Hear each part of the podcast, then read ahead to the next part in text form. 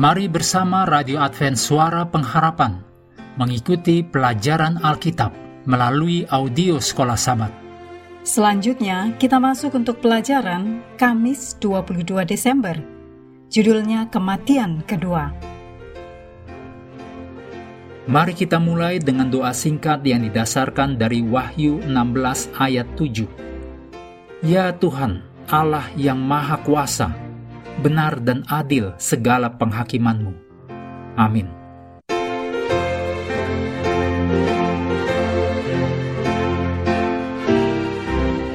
Tuhan sedang memimpin sejarah manusia menuju klimaks akhir zaman. Pada akhir masa seribu tahun, semua orang jahat yang mati dibangkitkan dari kubur mereka untuk menerima hukuman terakhir mereka.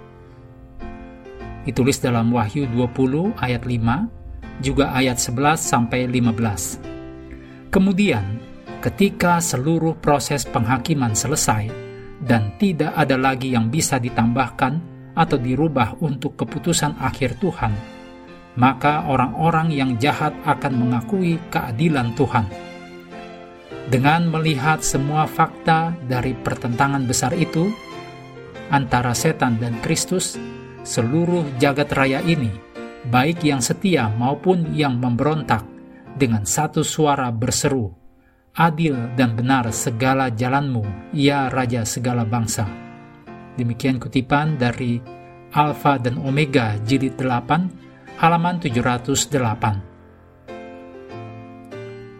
Maliaki 4 ayat 1, Wahyu 20 ayat 14 dan 15, dan Wahyu 21 ayat 8 menuliskan mengenai lautan api dan kematian kedua.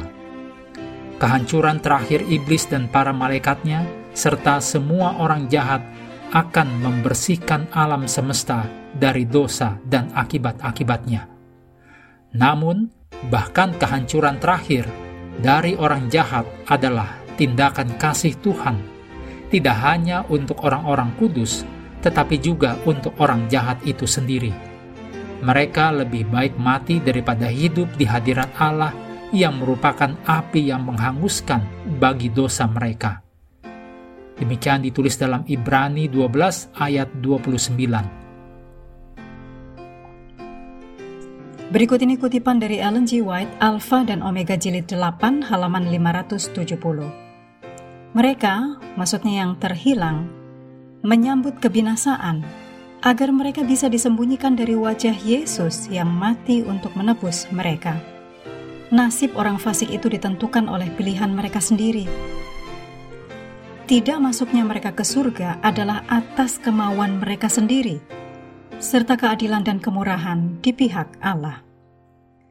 Jadi, pemusnahan terakhir atas dosa dan orang berdosa yang berlawanan dengan teori yang tidak alkitabiah tentang penderitaan kekal di neraka, ini memberikan hukuman yang adil dan berimbang untuk apa pun yang telah dilakukan oleh orang jahat – ini juga menegaskan bahwa dosa memiliki awal dan akan memiliki akhir.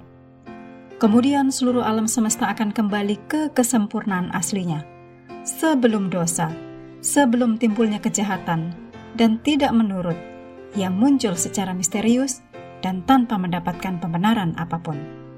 Puji Tuhan bahwa Dia sebagai hakim yang adil kita, seperti yang dicatat dalam 2 Timotius 4 ayat 8 akan membuat keputusan yang adil untuk memberikan kekekalan kepada orang benar dan kehancuran yang kekal bagi orang jahat.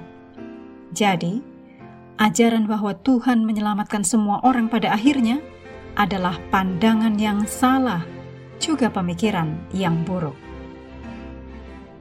Mengakhiri pelajaran hari ini, mari kembali kepada ayat hafalan kita dalam 2 Korintus 5 ayat 10 sebab kita semua harus menghadap tahta pengadilan Kristus, supaya setiap orang memperoleh apa yang patut diterimanya, sesuai dengan yang dilakukannya dalam hidupnya ini, baik ataupun jahat.